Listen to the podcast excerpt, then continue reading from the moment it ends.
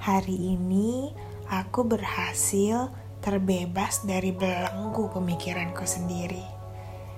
Hmm, jadi aku baru tahu ternyata yang membuat aku jatuh sejatuh-jatuhnya bersama perasaanku itu adalah karena aku sendiri.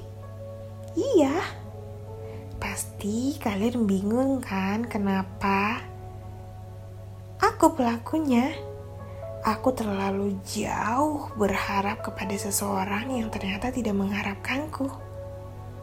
Seseorang itu hanya mampir membawaku berlari dan bersenang-senang menikmati indahnya perasaan. Di saat cinta mulai bertumbuh, dan aku mulai melambung tinggi bersama perasaanku secepat dia membawaku berlari.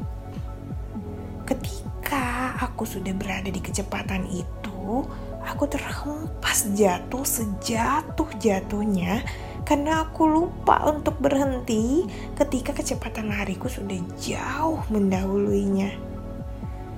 Sedangkan dia ternyata sudah lama berhenti karena lelah mengejarku yang berlari kencang.